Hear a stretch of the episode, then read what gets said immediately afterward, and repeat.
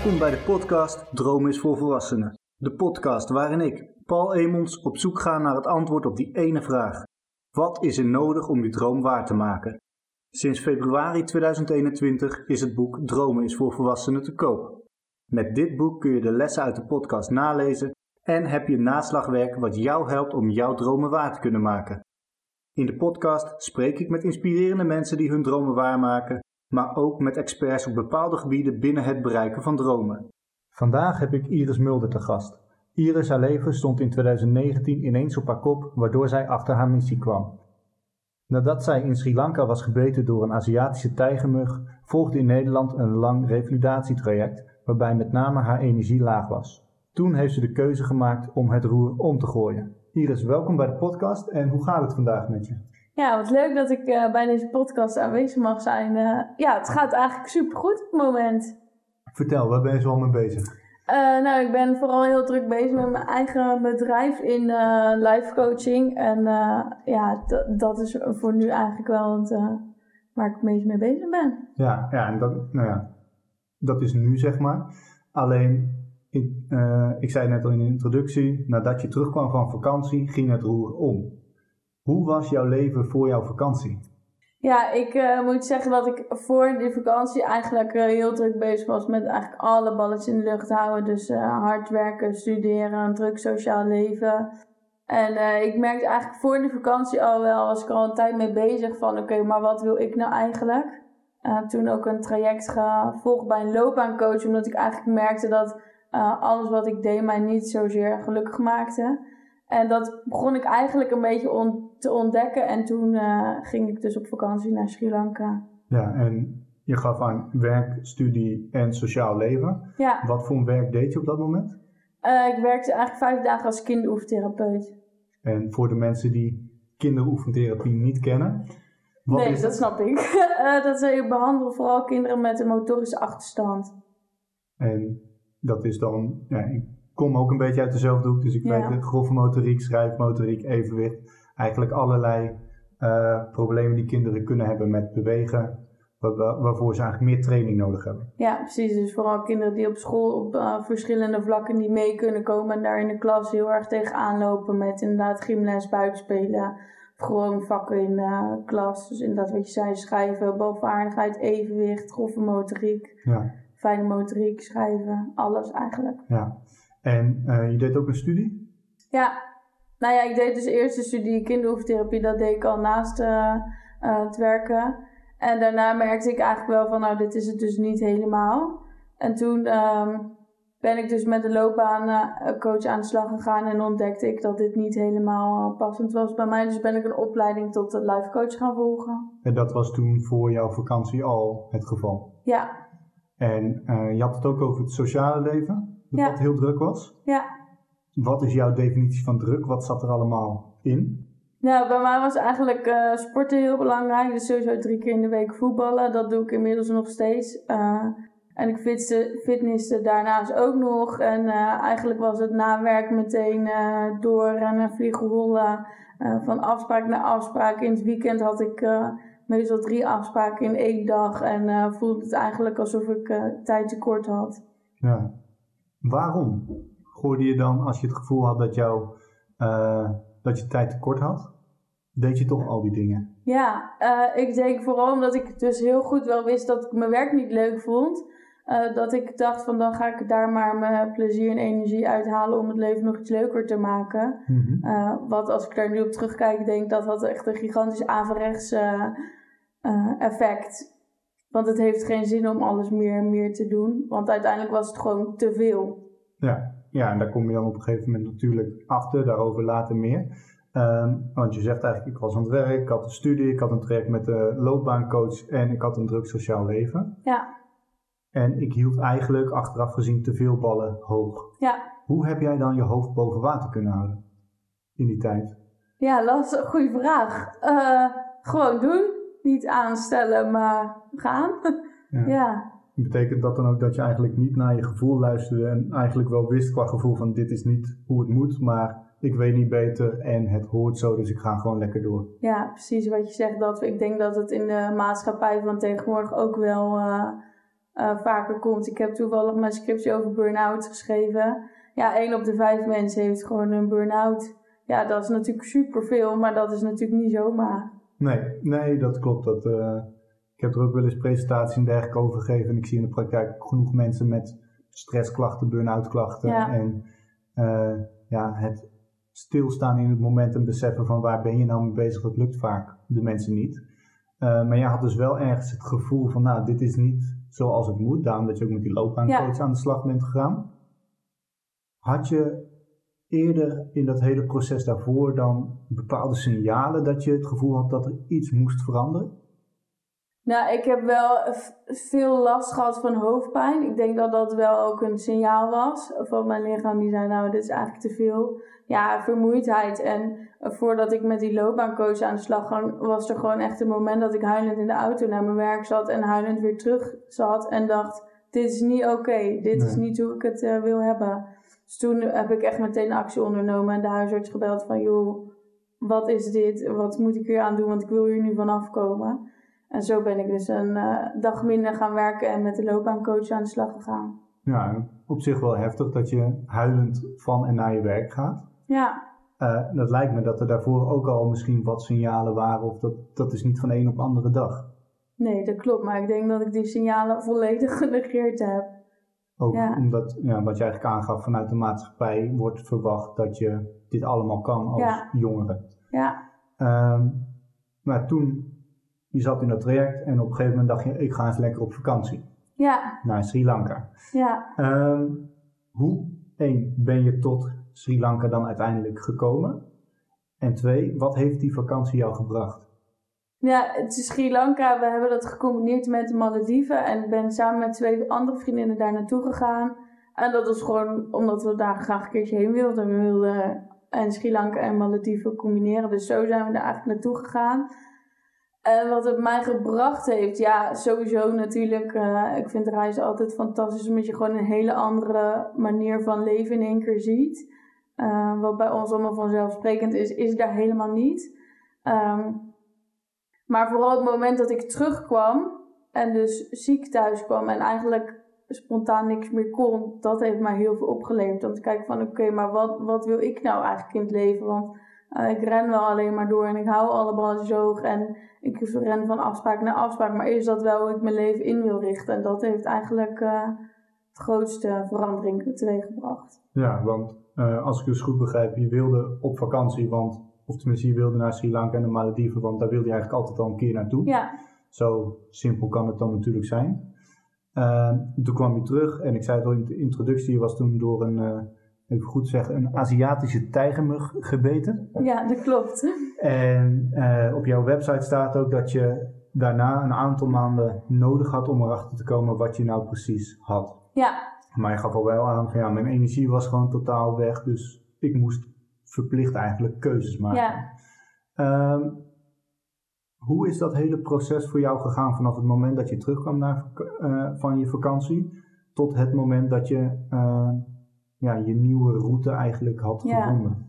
Ja, dat is best wel een proces geweest. Eigenlijk begon het al in uh, uh, de Malediven. Ik werd daar wakker met hevige pijnklachten in mijn hele lichaam.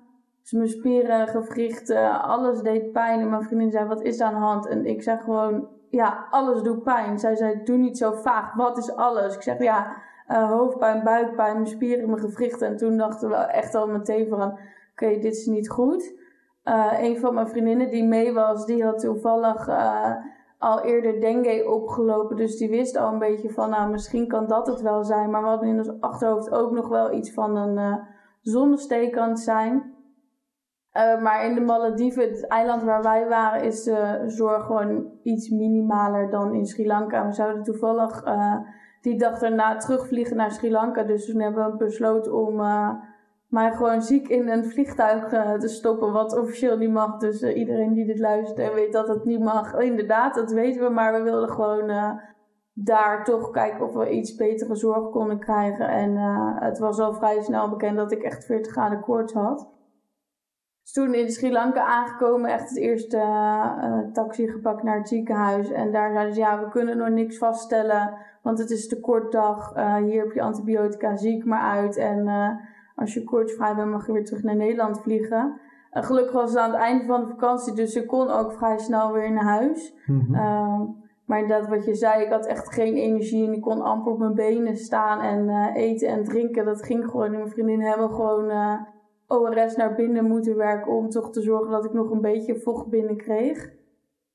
Eh dus ja, dat is niet leuk. En eh, ja, dan kom je op het punt dat je gewoon beseft van ja, werken gaat hem op dit moment in ieder geval niet worden. En eh, feestjes, afspraken, eigenlijk moest ik alles cancelen. Dus Het was ja. een soort kloosterbestaan, wat dat betreft. ja, ja, mijn leven stond stil en ik verplaatste van de bank naar bed en weer terug. Ja. ja, ja, en toen op een gegeven moment toen kwamen ze erachter wat je precies had opgelopen. ja, Ehm, ik dacht meteen toen je dat zei van ja, je ging natuurlijk richting Azië en ik ben er ook wel eens geweest en ik moest me inenten. ja, Ik neem aan, jij moest je ook inenten. ja. Maar hiervoor kon je dus niet inenten. Nee, ik kan hier niet voor inenten. Nee, nee. En ja, ik weet dat het een hele lastige naam is, want wat had je precies opgelopen? Ja, ze noemen het chikungunya. Ja, Ja. nou, dat is een eh, leuk scrabblewoord voor de, voor de luisteraars. ja, precies. Zoek het Ehm, maar op. Ja, maar vooral zoek het op, op eh, Wikipedia en Google, maar niet eh, om het fysiek Nee, op te lopen. nee.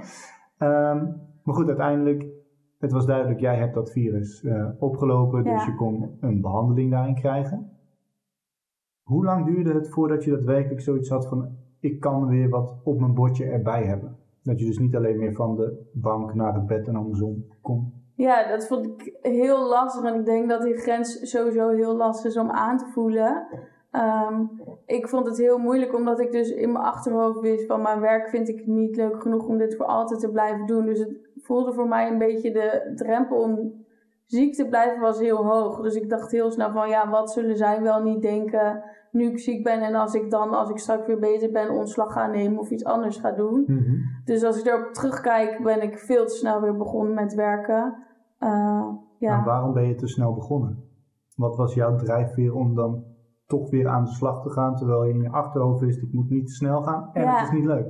ja, omdat ik me ergens dus heel erg schuldig voelde tegenover mijn baas. Dat ik dacht, ja, ik zit hier en ik kon eigenlijk kon ik, kon ik het helemaal niet. Of ben ik veel te snel weer volle bak gaan werken. Ik ben het wel gaan opbouwen, maar eh, na werk kon ik ook weer niks. Dus dan lag ik gewoon weer helemaal plat. Ja. Eh, ja, toch elke keer een stukje proberen kan, kan er meer bij. En eh, dat ging vrij snel.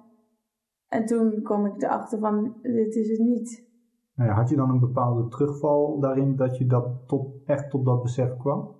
Nou, het was toevallig dat ik een eh, functioneringsgesprek had binnen mijn werk. En toen zeiden ze, nou, we zijn gewoon benieuwd hoe het met je gaat en wat je aan het doen bent. Nou, toen gaf ik dus aan dat ik ook bezig was met een opleiding tot life coach. En ik had toen niet het gesprek met mijn baas, maar met een andere werkgever. En eh, toen uiteindelijk na dat gesprek stuurde mijn baas al heel snel een berichtje van... eh, joh Iris, ik denk dat we even moeten praten. En toen het eerste wat ik dacht is... Oh, hij gaat me ontslaan, dat is fijn. Of in ieder geval, hij gaat me ontslaan, oh help. Maar daarna, de eerste reactie daarna was van... Oh, ik zou het misschien eigenlijk niet eens zo heel erg vinden. En Ja. toen dacht ik, oké, deze gedachte zegt genoeg. Dat is wel redelijk duidelijk. eh, Ja, dat was voor mij echt wel duidelijk dat ik dacht, oké, dan mag ik dit signaal nu echt heel serieus nemen. Dus ik heb daar echt ook een heel fijn gesprek met mijn baas over gehad. Die zeggen, alsjeblieft doen waar je blij en gelukkig van wordt en volg je hart, want eh, uiteindelijk heb je maar één leven en dit is het moment om echt te gaan doen wat je wil doen. Dus dat was echt super fijn dat ik ook vanuit hem die eh, bevestiging zo krijg van... eh, ik heb liever werknemers die 100% dit leuk vinden dan eh, dat je het maar doet om eh, het bedrijf een beetje op gang te houden of iets. Dus hij zei. Of centjes te verdienen. ja, precies. En ik denk dat dat ook niet je drijfveer moet zijn met werk. Dus Nee, nou, ik, ik spreek regelmatig mensen natuurlijk over het bereiken van dromen. En ja, geld is altijd wel een onderwerp. Want nou, zonder geld ja, kan je gewoon wat minder daarin. Ehm, maar je geeft eigenlijk aan van ja, je, je bent opgeleid als oefentherapeut, heb je verder gespecialiseerd, maar toch was dat niet hetgeen waar je gelukkig van wordt. nee. En nou we hebben daarin qua oefentherapie dezelfde vooropleiding gedaan. Eh, allebei zijn we ook wel dan weer deels een andere weg ingeslagen. ja, En we zitten wat dat betreft wel in een soortzelfde bubbel. Want we hebben redelijk dezelfde type contacten.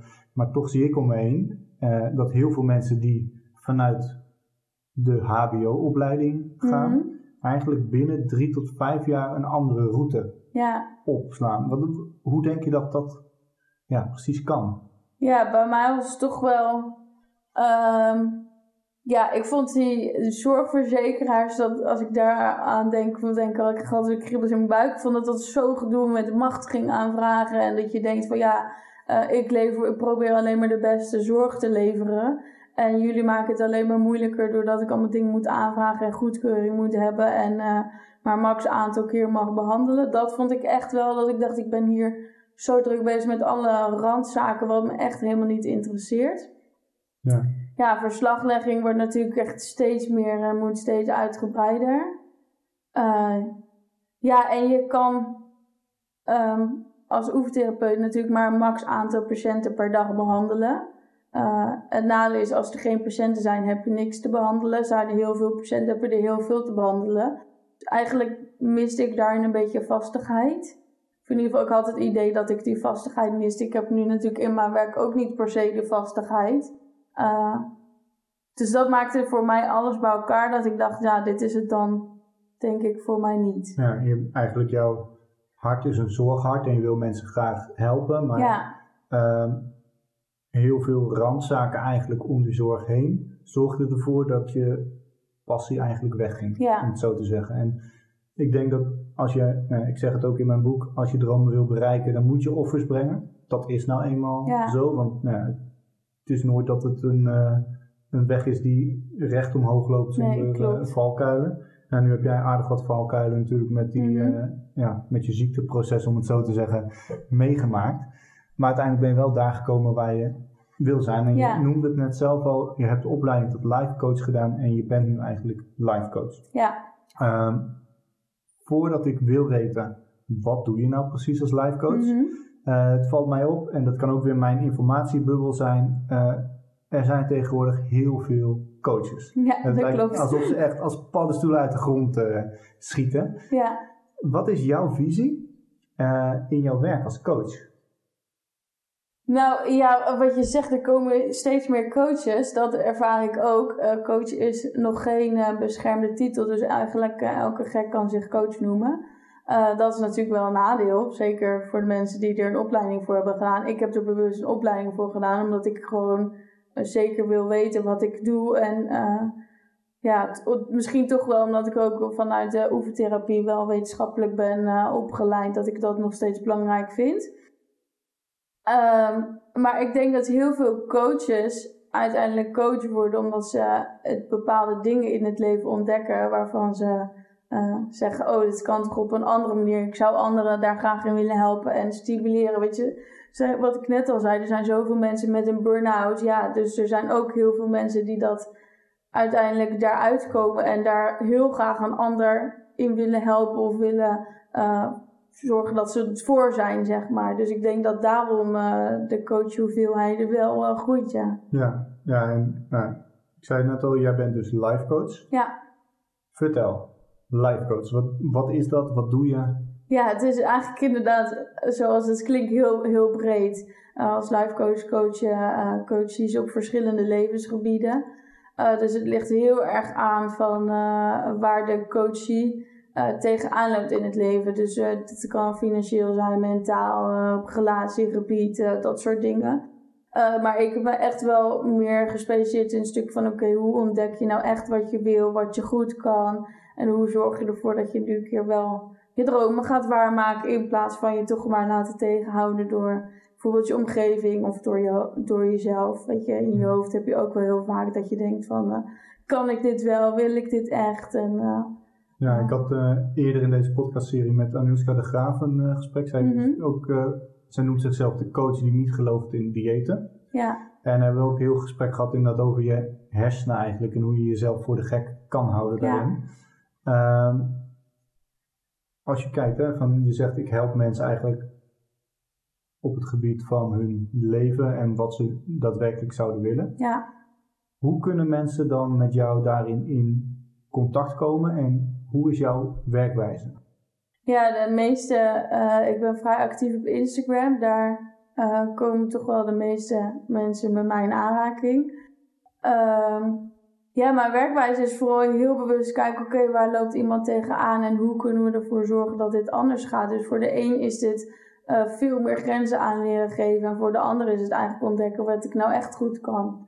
Ja, ja eigenlijk een stukje ook weer zelfontwikkeling, maar dan meer op reflectieniveau van ik heb het altijd op deze manier gedaan, maar misschien heb ik wel veel meer in mijn rugtas waar ik uit kan putten, maar dat ik dat eigenlijk niet weet. En jij helpt dan eigenlijk om dat te ontdekken. Ja.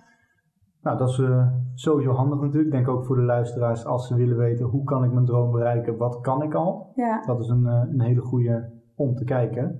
Uh, op jouw website geef je ook aan dat jij nu precies weet wie je bent en wat je wilt. Ja. Vertel. Ja, ik, natuurlijk blijft dat wel een proces. En je kan wel, uh, weet je, ik heb natuurlijk ook nog wel eens dat ik denk, oh, wat wil ik nou eigenlijk, welke kant wil ik op?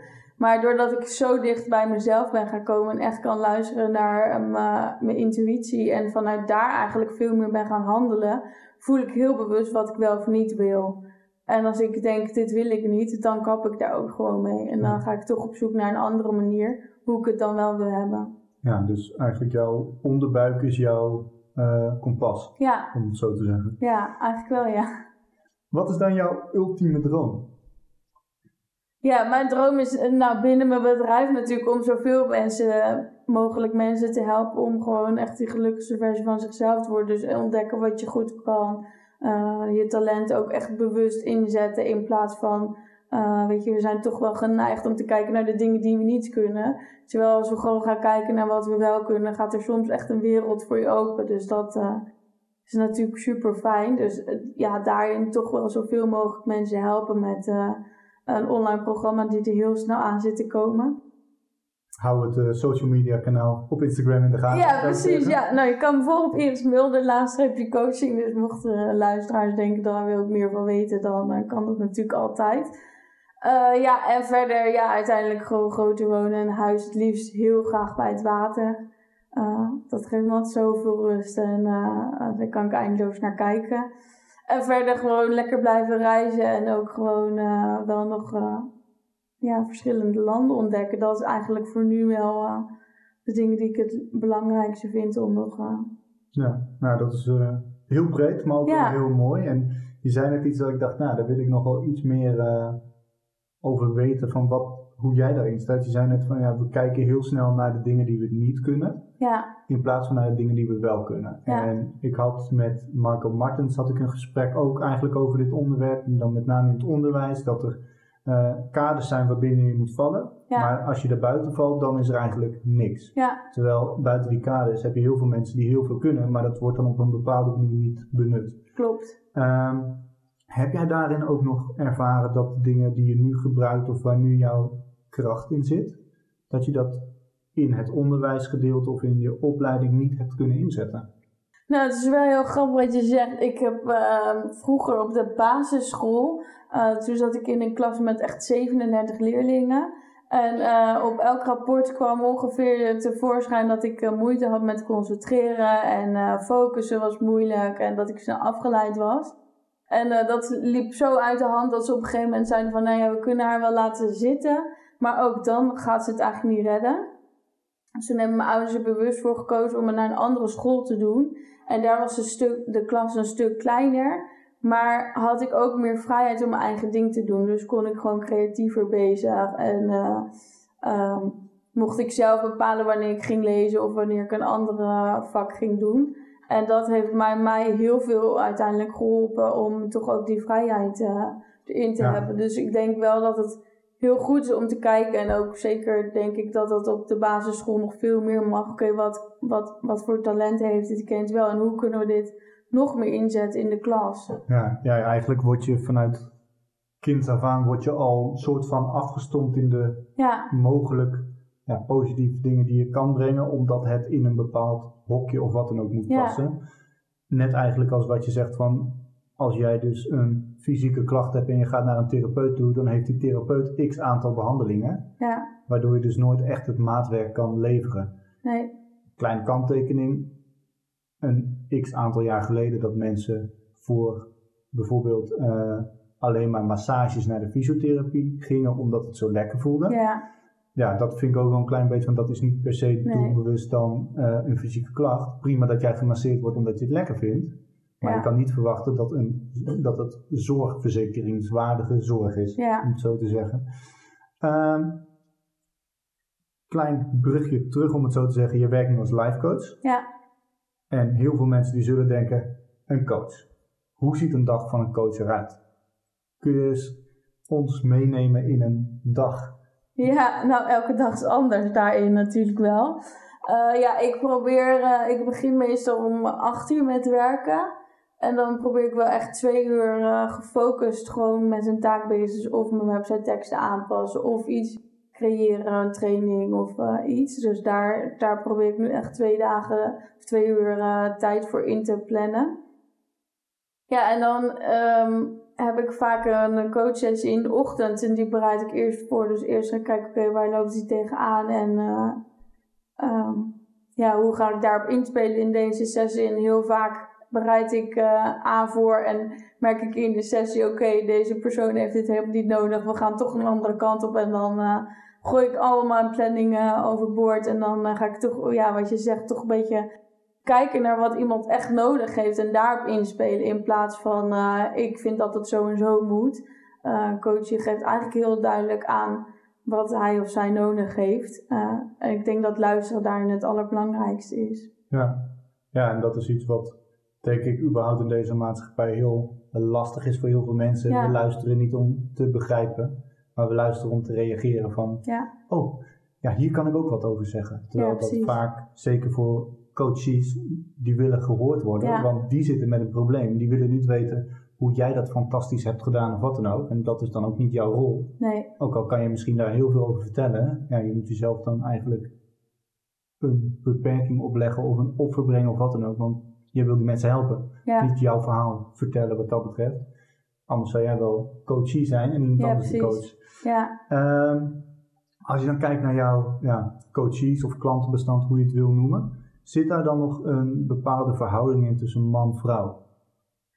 Uh, ja, bij mij is het wel meer een deel vrouw, maar dat is misschien ook meer omdat uh, vrouwen zich dan misschien eerder aangetrokken voelen tot uh, wat ik doe. Ik denk dat mannen misschien wel meer de richting hebben van dit is wie ik ben, wat ik wil en daar ga ik voor. Ik denk dat vrouwen zich daar toch wel wat kleiner in houden of daar iets meer zoeken in zijn. Maar dat, dat kan ook meer zijn omdat ik iets meer zo'n bril op heb en daarmee op focus. Ik weet niet of dat echt zo is. Nee, dat weet ik ook niet. Maar het valt me wel op de coaches die ik uh, nou ja, zie of waar ik contact mee heb of wat dan ook. Valt me op dat het zwaartepunt, om het zo te zeggen, qua aantal, toch meer vrouwen zijn die de klanten zijn of de coaches zijn dan de mannen. Ja. En ergens vind ik dat heel bijzonder.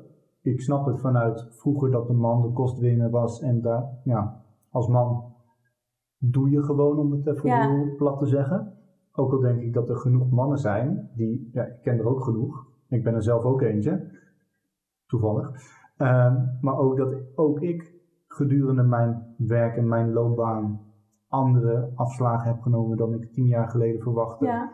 Al dan niet door bijvoorbeeld in mijn geval het faillissement van het bedrijf waar ik werkte.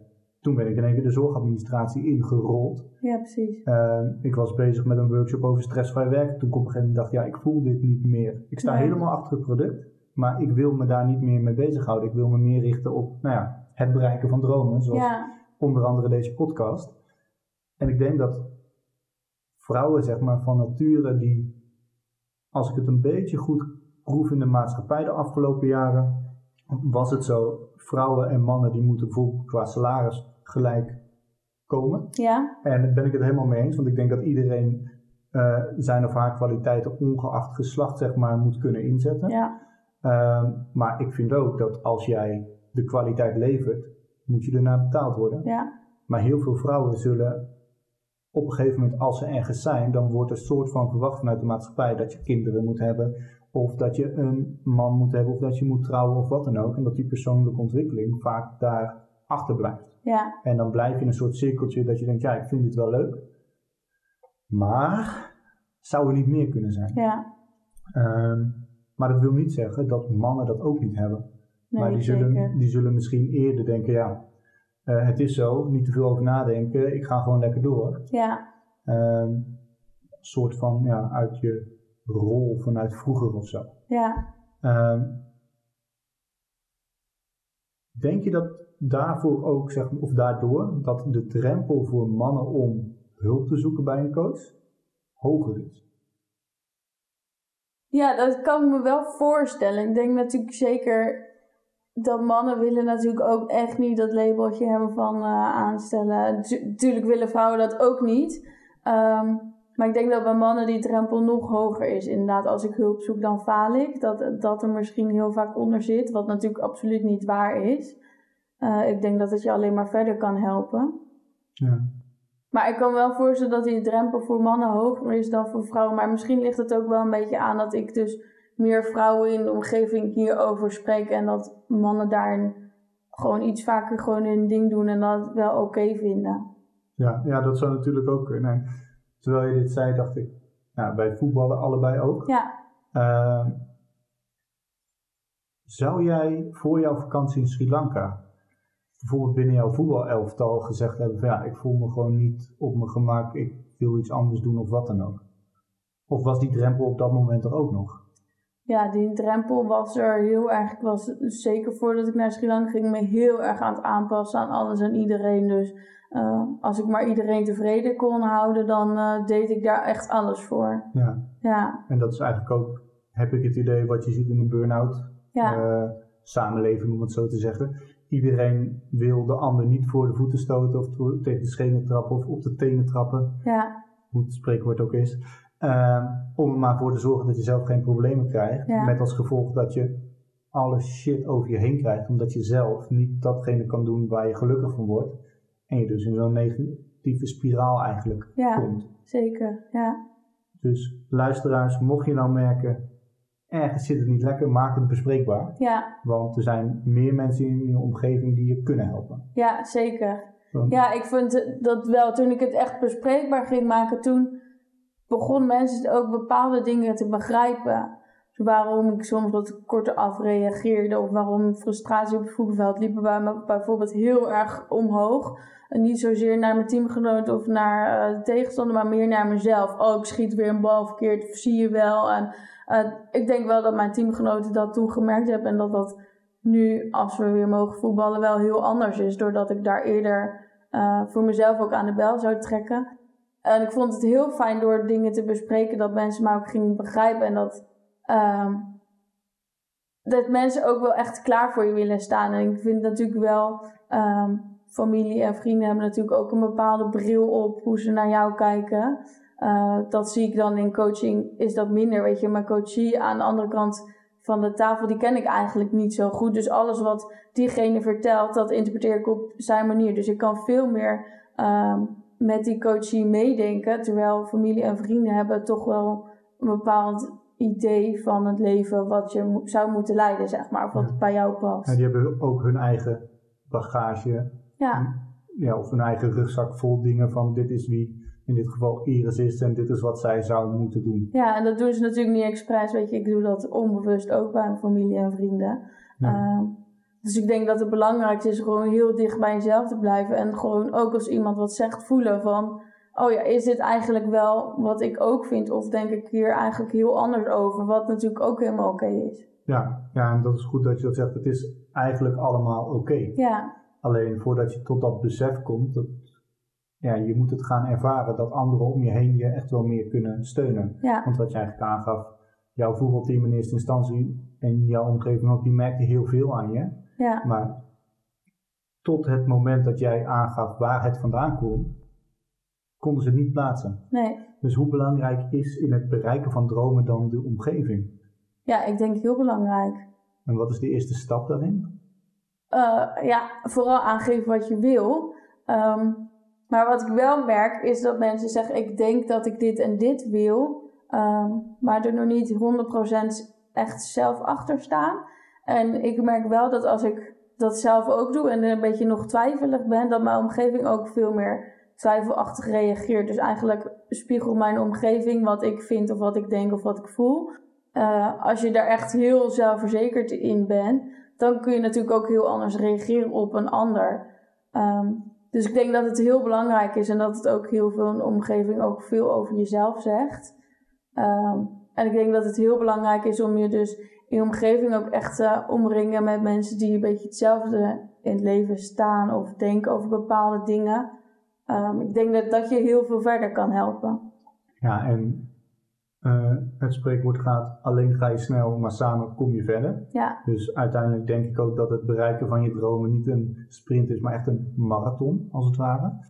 Uh, eerder in dit gesprek gaf je aan van ik was druk met werk, met een opleiding en met mijn uh, sociale contacten en alle ballen in de lucht houden. Ja. Maar je zei ook van ja, ik ben vrij actief nu op social media. Ja. Hoe is het dan om die bal in de lucht te houden? Want ik kan me voorstellen dat daar ook een soort sociale druk achter zit. Dat je eens in de zoveel tijd iets, of het gevoel hebt dat je iets moet posten of wat dan ook. Ja, nou, ik sowieso, wat ik ook wel zei, ik blijf daarin heel erg dicht bij mijn gevoel. Dus als ik voel van, nou, nu even niet, dan gebeurt het ook even niet. Krijg je daar dan ook reacties op? Als het bijvoorbeeld volgens de, de, jouw volgers te lang duurt voor je weer wat zegt? Nee, eigenlijk niet. Als ik dan daarna wel weer iets post, dan hoor ik wel vaak van, oh ja, je bent eigenlijk wel een tijdje weg geweest. Uh, maar ik, ik zet die dan ook altijd in van, joh, ik weet dat ik een tijdje niet zo actief ben geweest. Ik voelde het even niet, ik had even niet zoveel zin of was bezig met andere dingen. Uh, daar tackle ik hem wel vaak mee. Door te zeggen van, joh, dit was er. Of, uh, Gewoon eerlijk communiceren van dit speelt er en punt. Ja. Ja, ik denk dat die open eerlijkheid het allerbelangrijkste is. En ook op social media deel ik wel eens van, joh, ik zit er nu even een keertje niet zo lekker in. Weet je, dat is menselijk hebben allemaal. Ja. Um, en dat mag ook. Ja, zeker. Ik denk juist dat het ook heel goed is. Ik denk dat het heel veel zegt. Uh, als je je alleen maar heel blij en vrolijk voelt, dan, uh, weet je, dan accept, wen je er op een gegeven moment aan, zeg maar. Dus als je je een keertje wat minder voelt, dan is een dag daarna dat je je weer goed voelt extra fijn, extra leuk. En als ik me minder goed voel, dan kan ik ook heel bewust kijken, oké, waar komt dit nou eigenlijk vandaan? Oké, ja, ik merk weer dat ik gisteren te hard gewerkt heb, dat wilde ik niet. Oké, hoe ga, ik er dan vandaag voor zorgen? Uh, dat het allemaal wel gaat zoals ik wil. Uh, zodat ik er eigenlijk heel bewust naar kijk van oké, hoe wil ik het en hoe ga ik ervoor zorgen dat ik het ook echt zo voor elkaar krijg. Ja, precies. En terwijl ik naar je verhaal luisterde, dacht ik, goh, um, even met een helikopterblik van wat is er nou bij jou gebeurd? Sri Lanka, de vakantie en de Malediven, dat is gewoon een duidelijk keerpunt als het ware. Ja. Maar stel nou dat je niet ziek was geworden. Ja. Wat was er dan gebeurd? Of hoe was het? Uh, was je nog langer door blijven gaan op de trein waar je eigenlijk ongelukkig op was? Ja. Maar ja, je hebt een aantal live events om het zo te zeggen. Eén is die vakantie en het stuk daarvoor dat je merkt, nou ja, het is het niet helemaal. Ja. Toen kwam je terug en vanuit een soort schuldgevoel ben je toch weer gaan werken. Ja. Nou, ik kan me voorstellen als je niet ziek was geworden dat dat ook nog steeds zo was. Alleen dan zonder die opbouw en die uh, ervaring van die vermoeidheid. Maar tot het moment dat jouw baas jou dat berichtje stuurde van misschien moeten we even babbelen, ben je gewoon doorgegaan. Ja. Wat heeft dan gemaakt dat dat berichtje van jouw baas de druppel was? Of, ja. ja, vooral dat ik heel duidelijk voelde van oké, als hij me ontslaat, prima. En toen dacht ik, dit, is, dit zegt zoveel, deze, deze gedachte zegt alles. En je mag hier gewoon nu naar luisteren. En vooral ook tijdens het gesprek dat hij gewoon zoveel vertrouwen en uh, gewoon, ja, hij zei gewoon, ga het gewoon doen. Want het is, de tijd is nu en niet morgen of volgende week als je iets wil. Ja, ja kom in actie en ga daar gewoon voor. Dus je kan wel blijven uitstellen, maar uiteindelijk heb je daar niks aan. Nou, en dat is ook wel mooi dat je dat zegt van, eigenlijk was jij in het voortraject al best wel bezig om die dingen te doen. Ja. Maar je hebt net dat duwtje in de rug nodig van iemand die je dus kennelijk wel hebt gerespecteerd als leidinggevende. Ja. Dat hij zegt van ja, Iris, uh, dit moet jij gewoon doen. Punt. Ja. En het stukje reflectie, dat toen jij dat bericht kreeg van nou, misschien moeten we even babbelen, dat je dacht, oh, ik ga mijn baan verliezen. Nou, dat is helemaal niet zo slecht. Ja. Eigenlijk. En nu zeg ik het heel kort en er zal vast wel iets meer tijd overheen zijn gegaan dan dat ja, ik nu samenvat. Ja, um, nee, maar dat is wel een, uh, ja, een mooie eigenlijk. Um, nog even een klein uitstapje om het zo te zeggen. Waar komen jouw dromen vandaan? Ja, mensen zeggen als je moet je niet zo vergelijken met een ander. Uh, maar ik doe dat dan toch wel op een bepaalde manier, maar op een andere manier dan een ander doet. Dus mensen zeggen heel vaak, oh die heeft het goed voor elkaar. Uh, dat gaat mij nooit lukken. Kijk ik, oké, diegene heeft dit voor elkaar gekregen. Hoe, hoe ga ik ervoor zorgen dat het mij ook gaat lukken? Ja. Dus op, op een andere manier. Dus gewoon kijken, oké, wat is er eigenlijk allemaal in het leven mogelijk? En hoe ga ik ervoor zorgen dat het in mijn leven past? Of hoe ga ik ervoor zorgen dat het op mijn manier past? Natuurlijk zijn er bepaalde dingen die je graag wil, maar daarin kijk ik wel heel bewust. Nou, is het moment om er nu aan te werken? Of tel ik het nog even uit? Of ja, eigenlijk doe ik het pas echt als ik zeker weet dat dit is wat ik wil, dan ga ik daar echt actie in ondernemen. Ja, ja ik luister toevallig uh, vanochtend luister ik de, uh, de podcast De Potbast van uh, Bastiaan Meijer, een van de mhm. eerdere podcastgasten. En die had Giel Beden te gast. En Giel zei ook van ja, je moet kopiëren, je moet kijken naar anderen. Maar je moet van iedereen die jij tof vindt of die jou inspireert, moet je een stukje pakken. Ja, ik denk dat we heel erg ook geneigd zijn naar het vergelijken met het leven van een ander. Maar je ziet natuurlijk maar een heel klein deel. Weet je, dat zeg ik ook wel op social media. Mensen zien natuurlijk ook niet al mijn hele leven en mijn hele uh, gebeuren en alles wat er om me heen speelt. Uh, en je ziet dus ook niet hoeveel tijd en energie iemand er al ingestoken heeft. Weet je, het is super tof om te zien dat iemand een business draait van. Uh, weet ik veel waar ze een omzet halen uit 10.000 euro per maand. Maar ja, daar is wel ook hard werk voor nodig. En daar hebben ze echt wel ook al een uh, heel traject aan vooraf gegaan.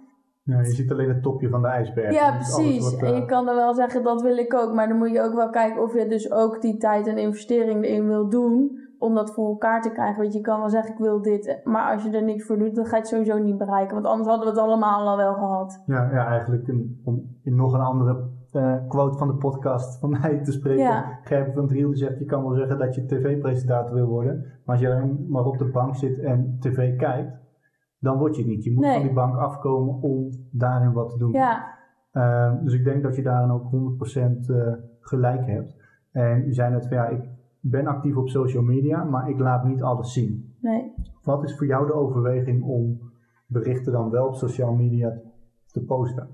Nou ja, ik probeer wel uh, zoveel mogelijk eigenlijk gewoon mijn leven te laten zien. Um, omdat ik denk dat er op social media al iedereen doet bijna, die laat allemaal zien hoe leuk het allemaal is. En uh, delen één keer per jaar vakantiefoto's en verder uh, als we huilend in bed liggen. Ja, en als we huilend in bed liggen, dan zie ik het niet voorbij komen. Ik probeer daarin wel echt open en eerlijk ook naar mijn volgers te zijn. Dus ook als het wat minder lekker gaat, ja, soms zeg ik dat gewoon. Ja, en dat mag ook. Ja, natuurlijk.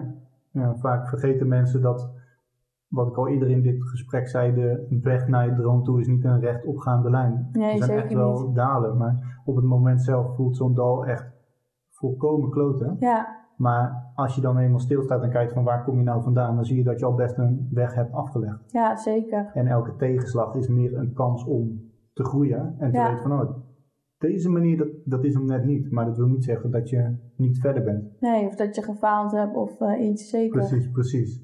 Um, nou, we gaan richting het, uh, het einde, om het zo te zeggen. Ja. Je zei net al kort waar mensen jou op Instagram kunnen vinden. Dat was, uh, als ik het goed zeg, het iris-coaching. Nee, Iris Mulder-coaching. Ah. Geef niks. ik zal het ook nog in, de, in, het bericht erbij zetten. Um, ja, en ik zei al, je hebt een website. Ja. Dat is ook irismuldercoaching.nl. Ja. Um, laatste vraag van, uh, van de podcast. Stel dat jij Iris van de basisschool spreekt, diegene die met 37 kinderen in de klas zat. Ja. Welke les zou je die willen meegeven? Oeh, goede vraag. Zo. Ehm, ja, vooral dat uh, dingen hoe dan ook vaak wel goed komen. Ik heb me echt wel druk gemaakt over heel veel dingen. En uh, over een keer een tentamen niet halen of uh, toch uit elkaar gaan met een ex-partner of zo. Tuurlijk, dat zijn dingen die echt heftig zijn op dat moment. Uh, maar uiteindelijk leer je er heel veel van als je er dus bewust naar gaat kijken. Uh, dus ik denk dat dingen eigenlijk vaak wel op zijn pootjes terechtkomen. En anders vind je vaak ook wel een manier om ermee om te gaan. En als je dat goed blijft reflecteren op wat je voelt en wat je ervaart, dan uh, kun je daar pas echt naar handelen. En ga doen, ga doen alles wat je eng vindt, doe het. ja. Dankjewel. Graag gedaan.